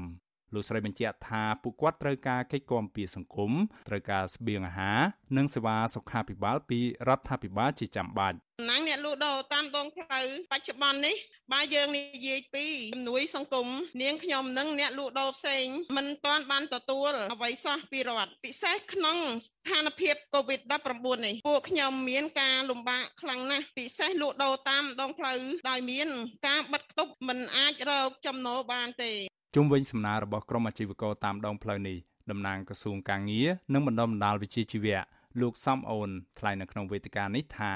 កន្លងមករដ្ឋាភិបាលបានចូលរួមចំណាយបង្កើតគោលនយោបាយរបបសន្តិសុខសង្គមលើវិស័យការងារនិងសេដ្ឋកិច្ចក្រៅប្រព័ន្ធដើម្បីកាត់បន្ថយភាពក្រីក្រ លោកបន្តថាក្រសួងក៏បានផ្តល់ការថែទាំសុខភាពដល់ពួកគេតាមរយៈប្រព័ន្ធមូលនិធិសមត្ថៈសុខាភិបាលហើយបានលុបចោលនឹងការបង់ថ្លៃភាសីនិងបង់ថ្លៃសេវាផ្សេងៗចំពោះអ្នកលក់ដូរតាមកញ្ច្រែងកញ្ជើនិងល្អីដោយគាំពៀសវត្ថិភាពអនាម័យនិងអនុញ្ញាតឲ្យពួកគេមានកន្លែងលក់ដូរច្បាស់លាស់ជាដើមរដ្ឋាភិបាលគឺមានការយកចិត្តទុកដាក់ឲ្យបានចេញស្រាចុះលេខ11នេះដើម្បីគាំពៀទៅដល់បងប្អូនអាជីវករ ដែលលក់ដូរមិនរៀបរយតាមផ្លូវតាមអីហ្នឹងអញ្ចឹងយើងមានស្រាចរហើយហើយសំខាន់ហើយយើងនាំគ្នាពិនិត្យទៅលើការអនុវត្តបើសិនជាការអនុវត្តមានខ្វះខាតយ៉ាងណានឹងយើងរួមគ្នាដោះស្រាយដែរបាទទូយ៉ាងណាសង្គមស៊ីវិលមើលឃើញថាអ្វីត្បិតតែរដ្ឋាភិបាលបានដាក់ចេញនូវគោលនយោបាយសម្រាប់អ្នកសេដ្ឋកិច្ចក្រៅប្រព័ន្ធក៏ដោយក៏ប៉ុន្តែការអនុវត្តជាក់ស្ដែងវិញមិនមានប្រសិទ្ធភាពនៅឡើយទេ ជាពិសេសករណីទារថ្លៃភាសីពីអ្នកលក់ដូរតាមកញ្ច្រែងកញ្ជើនិងល្អីនៅតែកើតមានច្រើនដដែលក្រុមអ្នកលក់ដូរតាមផ្លូវនិងមន្ត្រីសង្គមស៊ីវិលផ្ដល់យោបល់ថាដើម្បីឆ្លើយតបក្នុងស្ថានភាពនៃវិបត្តិជំងឺ Covid-19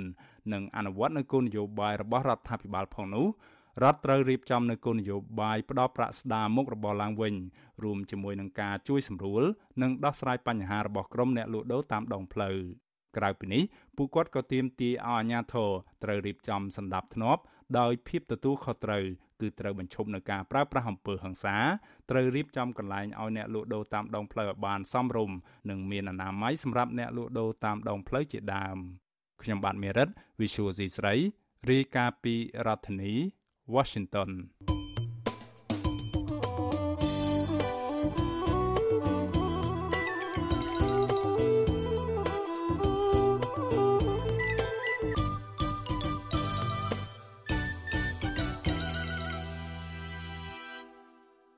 បាទលោកនាងជាទីមេត្រីថ្ងៃទី14ខែវិច្ឆិកាឆ្នាំ2021គឺជាខួប4ឆ្នាំនៃការចាប់ខ្លួនអតីតនាយកព័ត៌មានអាស៊ីសេរីពីររូបគឺលោកអ៊ួនឈិននិងលោកយៀងសុធិរិនពួកគាត់និងមេធាវីនៅតែបន្តទាមទារឲ្យតុលាការទម្លាក់ចោលបទចោទប្រកាន់ដើម្បីផ្ដោះយុត្តិធម៌និងសេរីភាពពេញលេញជូនពួកគាត់ឡើងវិញរយៈពេល4ឆ្នាំមកនេះតុលាការគ្មានផុសតាងគ្រប់គ្រាន់ដើម្បីបង្ហាញពីទោសកំហុសរបស់អ្នកទាំងពីរឡើយប៉ុន្តែតុលាការនៅតែបន្តរក្សាបទចោទប្រកាន់ ទៅលើអ្នកទាំងពីរដដែល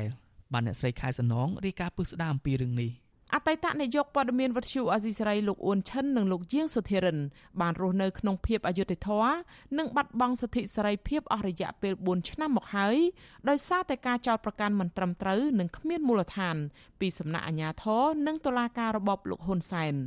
លោកយាងសុធិរិនថ្លែងថាតុលាការគួរតែពន្លឿនដោះស្រាយសំណុំរឿងរបស់ពួកលោកឲ្យបានដាច់ស្រេចមិនគួរផ្អាប់សំណុំរឿងទុកដើម្បីធ្វើបាបពួកលោកនោះទេលោកបញ្ជាក់ថាតាំងពីក្រមប្រឹក្សាជំនុំជម្រះសាលាដំបងរាជធានីភ្នំពេញបានបង្គាប់ឲ្យចក្រមស៊ើបសួរយកសំណុំរឿងទៅស៊ើបអង្កេតបន្ថែមឡើងវិញកាលពីដើមខែតុលាឆ្នាំ2019នោះមកចក្រមស៊ើបសួរលោកពេជ្រវិជ្ជធរមិនបានកោះហៅលោកទៅសាកសួរអ្វីឡើយអតីតនាយកព័ត៌មានវត្តឈូអាស៊ីសេរីរូបនេះបន្តថាលោកទទួលរងនៅភាពអយុត្តិធម៌ធ្ងន់ធ្ងររួចទៅហើយដូច្នេះតុលាការលំមដល់ពេលលើកលែងការចោទប្រកាន់ដើម្បីឲ្យលោកមានសេរីភាពពេញលេញ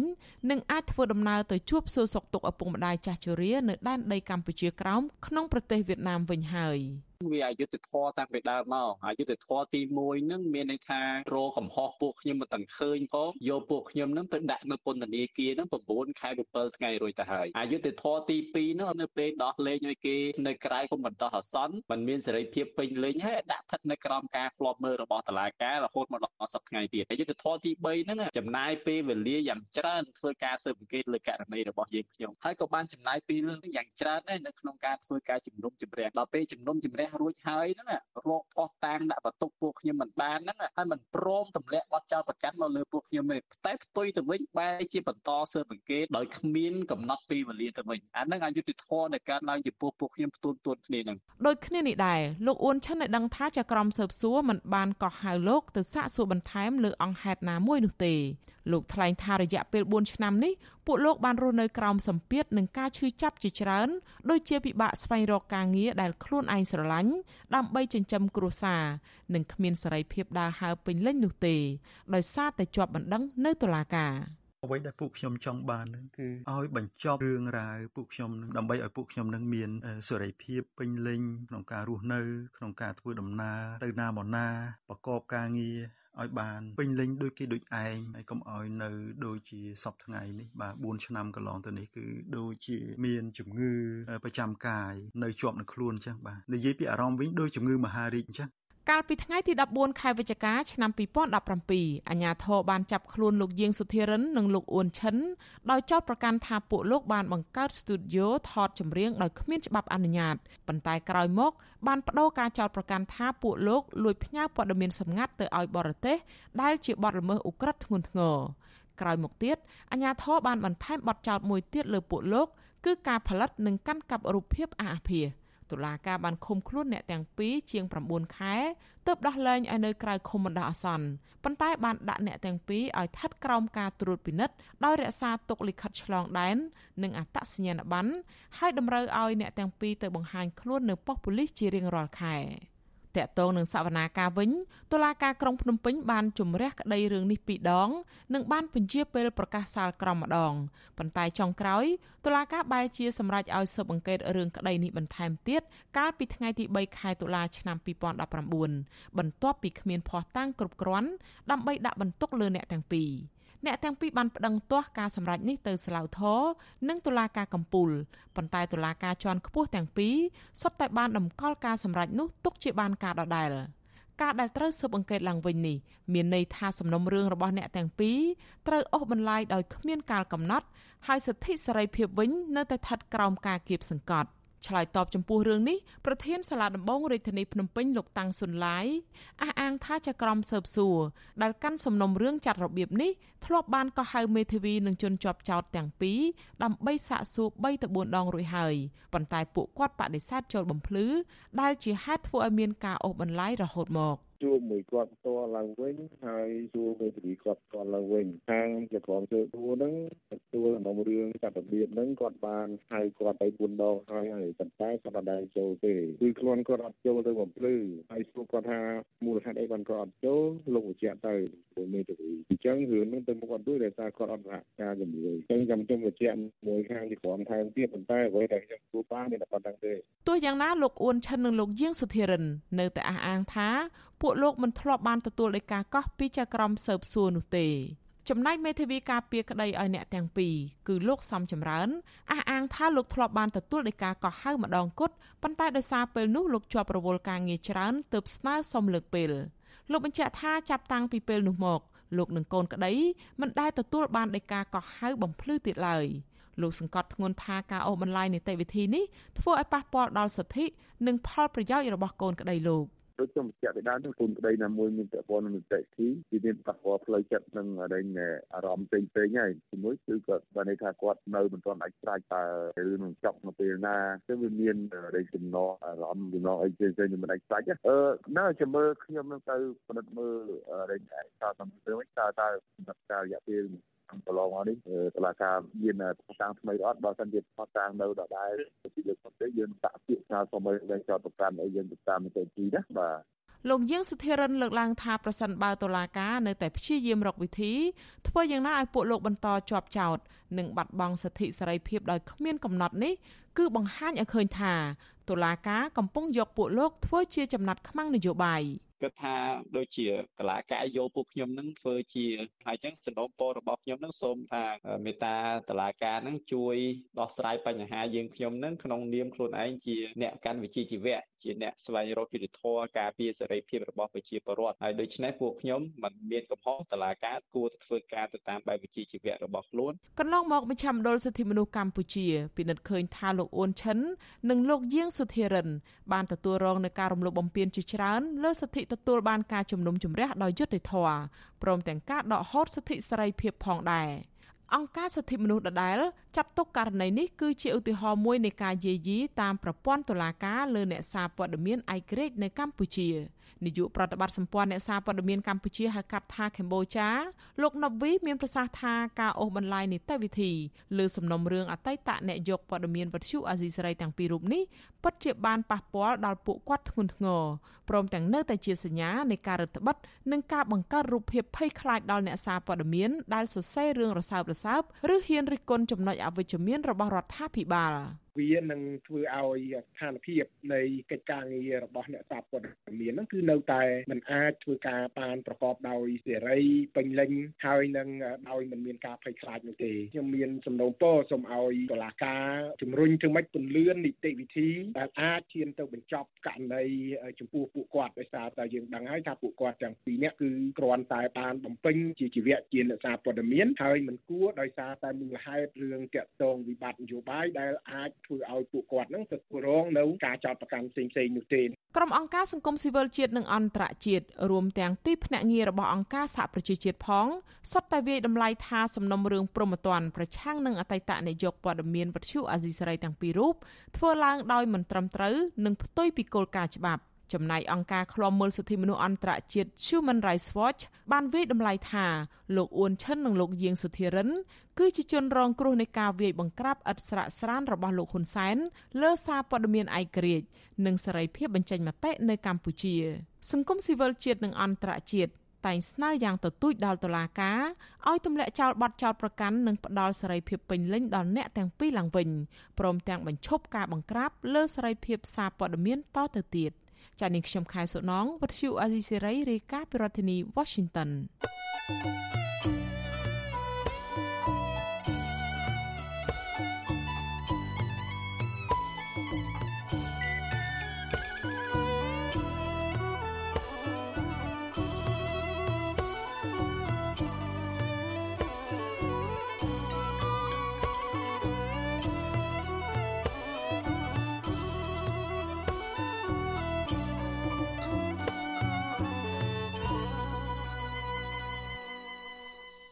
បាននៅឯក្រុងកែបឯណោះវិញអាជីវករលក់ដូរ74គ្រួសារនៅក្នុងក្រុងនេះបានលើកគ្នាតវ៉ាជាថ្មីម្ដងទៀតកាលពីចុងខែតុលាដើម្បីទាមទារអាជ្ញាធរខេត្តនេះកាយដីចេញពីតំបន់ឆ្នេរជ្រោយដូងដែលរដ្ឋបាលខេត្តអនុវត្តគម្រោងចាក់ដីលុបសមុទ្រកន្លងមកនេះ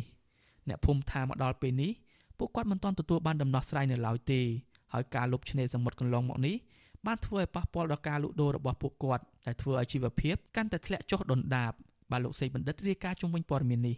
អាជីវករជិត100គ្រួសារជាអ្នកលក់ដូរនៅចំណុចឆ្នេរជ្រោយដូងក្រុងកែបទៀមទាយ៉ាងទទូចដល់អាជ្ញាធរឲ្យកាយដីចេញពីគម្រោងអភិវឌ្ឍនិងចាក់ខ្សាច់បំពេញនៅចំណុចឆ្នេរជ្រោយដូងវិញ ដើម្បីកែប្រែសោភ័ណភាពអាចឲ្យពួកគាត់មានឱកាសប្រកបរបររកប្រាក់ចំណូលសម្រាប់ចិញ្ចឹមគ្រួសារ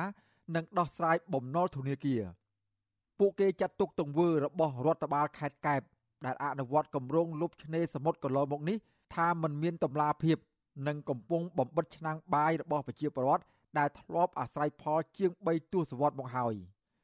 ក្រមអាជីវករអះអាងថាការដោះស្រាយរបស់អាជ្ញាធរខេត្តកែបមិនមានការទទួលខុសត្រូវចំពោះប្រជាពលរដ្ឋឡើយដោយអាជ្ញាធរមូលដ្ឋានពន្យល់ផ្ដោតសំខាន់តែទៅលើការអភិវឌ្ឍគម្រោងនេះធ្វើយ៉ាងណាសម្រេចឲ្យបានឆាប់បំផុត ចំណែកបញ្ហាជីវភាពរបស់ប្រជាពលរដ្ឋកំពុងរងទុក្ខវេទនាពីការអភិវឌ្ឍមួយនេះអាជ្ញាធរមិនបានរកដំណោះស្រាយជូនពួកគាត់ឡើយអាជីវករម្នាក់នៅចំណុចឆ្នេរជ្រោយដូងថ្លែងសុំមិនបញ្ចេញឈ្មោះប្រាប់បទសុអាស៊ីសេរីកាលពីថ្ងៃទី12វិច្ឆិកាថាអាជីវករទាំងអស់បានរួមគ្នាផ្តិតមេដៃនិងដាក់ញត្តិជាបន្តបន្ទាប់ដើម្បីស្នើដល់លោកនាយករដ្ឋមន្ត្រីហ៊ុនសែនឲ្យជួយដោះស្រាយបញ្ហានេះ និងជំរុញឲ្យអាជ្ញាធរកាយដីចេញពីតំបន់ឆ្នេរនោះវិញអាជីវកររូបនេះបញ្ជាក់ទៀតថាការអនុវត្តគម្រោងលុបសមុទ្រកន្លងមកនេះអាជ្ញាធរខេត្តកែបមិនបានកោះហៅអាជីវករទាំង74គ្រួសារដើម្បីដោះស្រាយបញ្ហាសេដ្ឋកិច្ចគ្រួសារឲ្យពួកគេទទួលបានដំណោះស្រាយសមរម្យឡើយ។ ខ្ញុំពៀវនាវអំដាច់ហ៊ុនសែនឲ្យជួយដល់កូនចៅសម្ដេចសោខេងឲ្យជួយកូនចៅបើមិនជួយអញ្ចឹងដាច់ចោលហើយធនាគារពាក់រង្វាន់ក៏លើចៃលុយគេមកបងធនាគារទៅហួរដងគេមកអង្គុយគេបានទឹកសមុទ្របានអីចឹងកន្លែងនេះវាមានឆ្នេរមួយទឹកមួយអីដល់ពេលឥឡូវវាអត់មានឆ្នេរមួយទឹកមួយអីកើតអីចឹងគេថាគេសុកចិត្តអង្គុយនៅផ្ទះគេមិនស្រួលជាងព្រោះមកមកលេងសមុទ្រគេត្រូវការមកចិត្តសមុទ្រចឹងក្រោមរូបភាពអភិវឌ្ឍឆ្នេរសមុទ្រនេះ ប្រជាពលរដ្ឋក្រុងកែបនិងអាជីវករទាំង74គ្រួសាររិះគន់អាជ្ញាធរខេត្តនេះថាកំពុងបំផ្លិចបំផ្លាញភោគទ្រព្យធនធានធម្មជាតិក្នុងនោះមានព្រៃឈើត្រូវបានដួលរលំភ្នំអូសៀនក៏រលាយតំបន់ឆ្នេរដែលធ្លាប់មានភ្ញៀវទេសចរជាតិនិងអន្តរជាតិមកមុជទឹកលំហែកាយក៏បានប្រែក្លាយជាដីគោកលើសពីនេះអាជីវករទាំងអស់ព្រួយចិត្តថាតំបន់ឆ្នេរជ្រោយដូង នឹងអាចប្រែក្លាយជាតំបន់អាគារអ្នកមានអំណាច និងក្រុមហ៊ុនចិនដូចនៅក្រុងព្រះសីហនុដែរស្របពេលដែលការអនុវត្តគម្រោងនេះមិនទាន់មានធ្វើអនុប្រយោគហើយអាជ្ញាធរមូលដ្ឋាន នៅតែព្យាយាមបិទបាំងព័ត៌មាននេះជាងនេះទៅទៀតអាជីវករទាំង74គ្រួសារ ព្រមថានឹងត្រូវបានអាជ្ញាធរបណ្ដេញពួកគេលែងឲ្យប្រកបរបរក្រោមលេសយកឆ្នេរនេះដើម្បីអភិវឌ្ឍនៅខេត្តកែបនេះរឿងច្រើនណាស់គាត់អភិវឌ្ឍបានអីខ្លះដែលឲ្យប្រជាជនពេញចិត្តមានតែមកចាក់នេះចាក់កន្លែងនេះគឺស្នេហ៍ភ្ញៀវមកមួយទឹកលេងកំសាន្តឥឡូវលុបបំបត្តិឆ្នេរនឹងបាត់ហើយភ្នំក៏អស់ភ្នំវល់ខ្ទេចខ្ទីអស់ផ្លូវខ្នល់កស៊ូឡើងលួយវល់អស់ហើយគិតមើលហើយហ្នឹងមានអភិវឌ្ឍអាម៉េចអាហ្នឹងហ្នឹងអភិវឌ្ឍជាតិហើយក៏បំផ្លាញជាតិខ្ញុំឆ្ងល់ហើយនេះ គាត់អភិវឌ្ឍយូរយូរទៅបាត់ឆ្នេរអស់ហើយឆ្នេរសមុទ្រមានតែពីរទេបាត់បាត់ឆ្នេរសមុទ្រយើងអស់ហើយក្មេងចំនួនក្រោយអត់ស្គាល់ទេ បាត់សមុទ្រអស់អាលីងបាត់ហ្មងអត់ស្គាល់ថាឆ្នេរជ្រួយដូងនឹងទ្រាបមិនទេរដ្ឋបាលខេត្តកែបបានប្រកាសក្នុងគេហទំព័រផ្លូវការរបស់ខ្លួនកន្លងទៅថាគម្រោងពង្រីកឆ្នេរនេះ មានគោលបំណងពង្រីកតំបន់កំសាន្តពង្រីកសក្តានុពល ហើយអាជ្ញាធរ ពុំបានធ្វើការរុះរើតូបលក់ដូររបស់អាជីវករដែលប្រកបអាជីវកម្មនៅតំបន់នេះឡើយប៉ុន្តែរដ្ឋបាលខេត្តកែបបញ្ជាក់ថាប្រសិនបើមានគម្រោងអភិវឌ្ឍជាបន្តបន្ទាប់ទៅថ្ងៃអនាគតអាជីវករទាំងអស់នឹងត្រូវរុះរើកន្លែងប្រកបអាជីវកម្មដោយគ្មានការតវ៉ាវិទ្យុអសីស្រីបានព្យាយាមតាក់ទងសុំការបកស្រាយលម្អិតជុំវិញរឿងនេះពីអភិបាលខេត្តកែបលោកសោមពិសិដ្ឋ និងអ្នកនាំពាក្យក្រសួងបរិស្ថានលោកនេតភត្រាក៏ប៉ុន្តែទូរស័ព្ទហៅចូលច្រើនដង តែគ្មានអ្នកទទួលនៅថ្ងៃទី12ខែវិច្ឆិកាប៉ុន្តែអភិបាលខេត្តកែបលោកសោមពិសិដ្ឋថ្លែងប្រាប់ប្រជាពលរដ្ឋនៅចំពោះមុខកាលពីថ្ងៃទី25ខែតុលាថាគម្រោងអភិវឌ្ឍនេះមិនបានវិនិយោគឲ្យក្រុមហ៊ុនណាឡើយហើយរដ្ឋបាលខេត្តនឹងចាក់ខ្សាច់បន្ថែមនៅទីតាំងអភិវឌ្ឍនោះ លោកស្នើសុំឲ្យអាជីវករទាំងអស់លះបង់ផលប្រយោជន៍ដើម្បីចូលរួមនៅក្នុងការអភិវឌ្ឍលុបសមុទ្រនេះដើម្បីជាប្រយោជន៍សាធារណៈឥឡូវយើងរកចំណុចណាមួយដែលលះបង់ទាំងអស់គ្នាដើម្បីប្រយោជន៍សាធារណៈចាំបន្តិចទៅនឹងមានស្អាតហើយកន្លែងហ្នឹងបាទនឹងស្អាតហើយមានកន្លែងចតឡានមានកន្លែងអីសម្រាប់ស្រួលរត់លេងហើយកន្លែងនេះគឺចំណេញបងប្អូនទេហើយអ្នកអាស្រ័យផលគឺនៅកន្លែងហ្នឹងទេតំណាងអាជីវករលោកស្រីគុណធឿន ច្រានចោលចំពោះការលើកឡើងរបស់អភិបាលខេត្តរូបនេះលោកស្រីទៀមទាឲ្យអាជ្ញាធរមូលដ្ឋាន កាយដីចេញពីចំណុចឆ្នេរជ្រោយដូងដោយមានការចាក់ដីខ្សាច់សម្រាប់ឲ្យភ្ញៀវទេសចរអាចមកលំហែកាយនិងកែប្រែសោភ័ណភាពនៅតំបន់ឆ្នេរឲ្យបានស្រស់ស្អាតដូចដើមដើម្បីឲ្យក្រុមអាជីវករទាំងអស់អាចរកប្រាក់ចំណូលចិញ្ចឹមគ្រួសារដូចពេលកន្លងទៅ។ ដំណោះស្រាយនេះអត់តាន់សមស្របនៅឡើយព្រោះពួកខ្ញុំខ្ញុំចង់បានថាតោពួកខ្ញុំនឹងនៅទីតាំងកន្លែងដដែលនិងសុំសាងសង់ឲ្យស្អាតឲ្យមានសភនភាពនិងដើម្បីតេទៀងភ្ញៀវទេសចរជាតិអន្តរជាតិហើយទី2ខ្ញុំចង់បានថាកន្លែងនឹងឲ្យកាយដីនិងបំពេញចាក់ខ្សាច់ឲ្យមានទឹកឡើងមកបានពួកខ្ញុំលក់បានអញ្ចឹងណាឥឡូវពួកខ្ញុំលក់អត់បានទេ កំណត់ហេតុរដ្ឋបាលខេត្តបង្ហាញថាគម្រោងអភិវឌ្ឍនេះมันអាចបញ្ឈប់បាននោះទេព្រោះគម្រោងនេះ បានលើកនៅក្នុងកម្មវិធីវិនិយោគ3ឆ្នាំ ដើម្បីអភិវឌ្ឍគម្រោងជាជំហានជំហានដោយមានការឯកភាពពីថ្នាក់ជាតិរួចហើយក្នុងខ្លឹមសារកំណត់ហេតុនោះអភិបាលរងខេត្តកែបលោកអុកថាបញ្ជាក់ថាការអភិវឌ្ឍនេះជាគម្រោងរបស់រដ្ឋហើយមានក្រុមហ៊ុនជាអ្នកដេញថ្លៃនិងទទួលកិច្ចសន្យា ដើម្បីធានាការអនុវត្តគម្រោងឲ្យរដ្ឋបាលខេត្តជុំវិញរឿងនេះមន្ត្រីអង្គការសង្គមស៊ីវិលនៅតែមានមន្ទិលជាច្រើន និងព្រួយបារម្ភពីគម្រោងអភិវឌ្ឍនេះថាអាចប្រែក្លាយជាតំបន់រមណីយដ្ឋាន មានអាគារវិនិយោគក្តោបក្តាប់ដោយក្រុមបុគ្គលអ្នកមានលុយមានអំណាច និងក្រុមហ៊ុនចិននៅថ្ងៃអនាគតគណៈអាជ្ញាធរមូលដ្ឋានមិនទាន់មានដំណោះស្រាយសមស្របជូនប្រជាពលរដ្ឋដែលកំពុងជួបទុក្ខកង្វល់នៅឡើយប្រធានសមាគមប្រជាធិបតេយ្យឯករាជ្យនៃសេដ្ឋកិច្ចក្រៅប្រព័ន្ធហៅកាត់ថា IDEA លោកវ៉ាន់ពៅយល់ថាការតវ៉ារបស់អាជីវករ គឺជារឿងត្រឹមត្រូវព្រោះអំឡុងការបើកប្រទេសឡើងវិញអាជីវករត្រូវការកន្លែងប្រកបរបរដើម្បីស្ដារសេដ្ឋកិច្ចដែលរងគ្រោះព្រោះជំងឺរាតត្បាតជាសកល COVID-19 លោកបន្តថារដ្ឋមានទួនាទីក្នុងការលើកកម្ពស់សេដ្ឋកិច្ចនិងសម្រួលកន្លែងលក់ដូរជូនដល់ប្រជាពលរដ្ឋដូច្នេះលោកជំរុញដល់អាជ្ញាធរមូលដ្ឋាន ពិចារណាពីគម្រោងអភិវឌ្ឍនេះដើម្បីធានាថា ពួកគេមិនទទួលរងផលប៉ះពាល់បន្ថែមទៀត ការតវ៉ាខ្ញុំគិតថាវាជារឿងត្រឹមត្រូវដែលអាជីវករគាត់ត្រូវការរស់គាត់ត្រូវការកន្លែងគាត់លក់ដូរសមរម្យតែអ្នកណាគេអភិវឌ្ឍហើយធ្វើឲ្យប្រជាពលរដ្ឋបាត់បង់ការងារបាត់បង់មុខរបរអញ្ចឹងទេអាហ្នឹងការអភិវឌ្ឍបែបហ្នឹងគឺគេហៅថាការអភិវឌ្ឍឬក៏ជាការរៀបចំស្ដាប់ធ្នាប់ដូចគ្នាការទទួលខុសត្រូវអញ្ចឹងបើសិនគិតតាមទូនីតិអាជ្ញាធររដ្ឋធ្វើអ្វីក៏ដោយគឺត្រូវតែទទួលខុសត្រូវចំពោះប្រជាពលរដ្ឋជាមួយគ្នានេះដែរអ្នកសម្របសម្រួលសមាគមអាត6ប្រចាំខេត្តកែបលោកយុនផូលី សង្កេតឃើញថាការចាក់ដីលុបសមុទ្រកន្លងមកនេះអាចនឹងមានការសាងសង់ខ្ជុះនិងរមណីយដ្ឋានបន្ថែមទៀតដែលធ្វើឲ្យប្រជាពលរដ្ឋមានការតវ៉ានិងព្រួយបារម្ភខ្លាចបាត់បង់កន្លែងធ្លាប់អាស្រ័យផលលោកសង្កត់ធ្ងន់ថាប្រសិនបើនៅថ្ងៃខាងមុខមានការអភិវឌ្ឍគម្រោងជាបន្តបន្ទាប់ទៀតអាជ្ញាធរត្រូវតែទទួលខុសត្រូវលើប្រជាពលរដ្ឋធ្វើយ៉ាងណាអាចឲ្យពួកគេរកចំណូលបានពីសេវាកម្មបម្រើភ្ញៀវទេសចរនេះលើសពីនេះ លោកជំរុញដល់អាជ្ញាធរមូលដ្ឋានត្រូវតែជួបពិភាក្សាជាមួយនឹងប្រជាពលរដ្ឋនិងបង្ហាញរបាយការណ៍ពាក់ព័ន្ធប្រកបដោយតម្លាភាពដោយធានាថាគ្មានការខុបខិតប្រព្រឹត្តអំពើពុករលួយ។ ថាអាជ្ញាធរខេត្តលោកគួរតែហៅបងប្អូនអាជីវករទាំងអស់ប្រជុំពីហេតុផលនិងផលប៉ះពាល់ណាមួយណាតេតិនការអភិវឌ្ឍអភិវឌ្ឍការបង្រីនឹងតើតើបង្រីធ្វើស្អីនេះឲ្យប្រជាពលរដ្ឋលោកដឹងពីផែនការនៃការអភិវឌ្ឍនឹងតើឥឡូវកន្លែងនេះត្រូវធ្វើសួនច្បារកន្លែងត្រូវធ្វើកន្លែងតាក់ទាញភ្ញៀវទេសចរកន្លែងបាញ់ទឹកបាញ់អីសពបែបយ៉ាងឧទាហរណ៍អញ្ចឹងអញ្ចឹងអាតម្លាភាពនឹងគួរឲ្យប្រជាពលរដ្ឋលោកបានដឹងហើយបើមិនជាលោកបានដឹងហើយហើយវាអស់ចិត្តហើយខ្ញុំជឿថារូបគេរូបខ្ញុំបើមិនបានបង្ហាញពីហេតុផលពីការអភិវឌ្ឍផ្សេងៗនៅតែមានបន្តិលច្បាប់ស្ដីពីការគ្រប់គ្រងប្រើប្រាស់និងការចាត់ចែងលើទ្រព្យសម្បត្តិរដ្ឋមាត្រា5ចែងថាទ្រព្យសម្បត្តិរបស់រដ្ឋដែលកើតមានពីធម្មជាតិមានជាអាចឆ្នេរសមុទ្របឹងព្រៃឈើទន្លេកោះរ៉ែភ្នំស្ថិតនៅក្រោមអធិបតេយ្យភាពនៃព្រះរាជាណាចក្រកម្ពុជាទ្រព្យសម្បត្តិសាធារណៈរបស់រដ្ឋមកជាទ្រព្យសម្បត្តិឯកជនរបស់រដ្ឋមាត្រា27ចែងថា លក្ខខណ្ឌនៃការប្រើប្រាស់របស់រដ្ឋត្រូវតែបម្រើផលប្រយោជន៍សាធារណៈនិងមានការធ្វើអនុប្រយោគកំណត់ដោយអនុក្រឹត្យមានចុះហត្ថលេខាដោយនាយករដ្ឋមន្ត្រី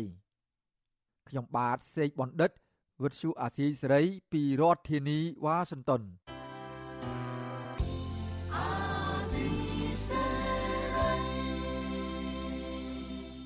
បាទលោកនាងជាទីមេត្រីការផ្សាយរយៈពេល1ម៉ោងនៃវិទ្យុអេស៊ីសរ៉ៃជាភាសាខ្មែរនៅពេលនេះចប់តែប៉ុណ្ណេះ យើងខ្ញុំសូមជូនពរដល់លោកអ្នកនាងព្រមទាំងក្រុមគ្រួសារទាំងអស់ឲ្យជួបប្រកបតែនឹងសេចក្តីសុខចម្រើនរុងរឿងកំបីគ្លៀងគ្លាតឡើយខ្ញុំបាទចិត្តចំណានព្រមទាំងក្រុមការងារនៃវិទ្យុអេស៊ីសរ៉ៃសូមអរគុណនិងសូមជម្រាបលា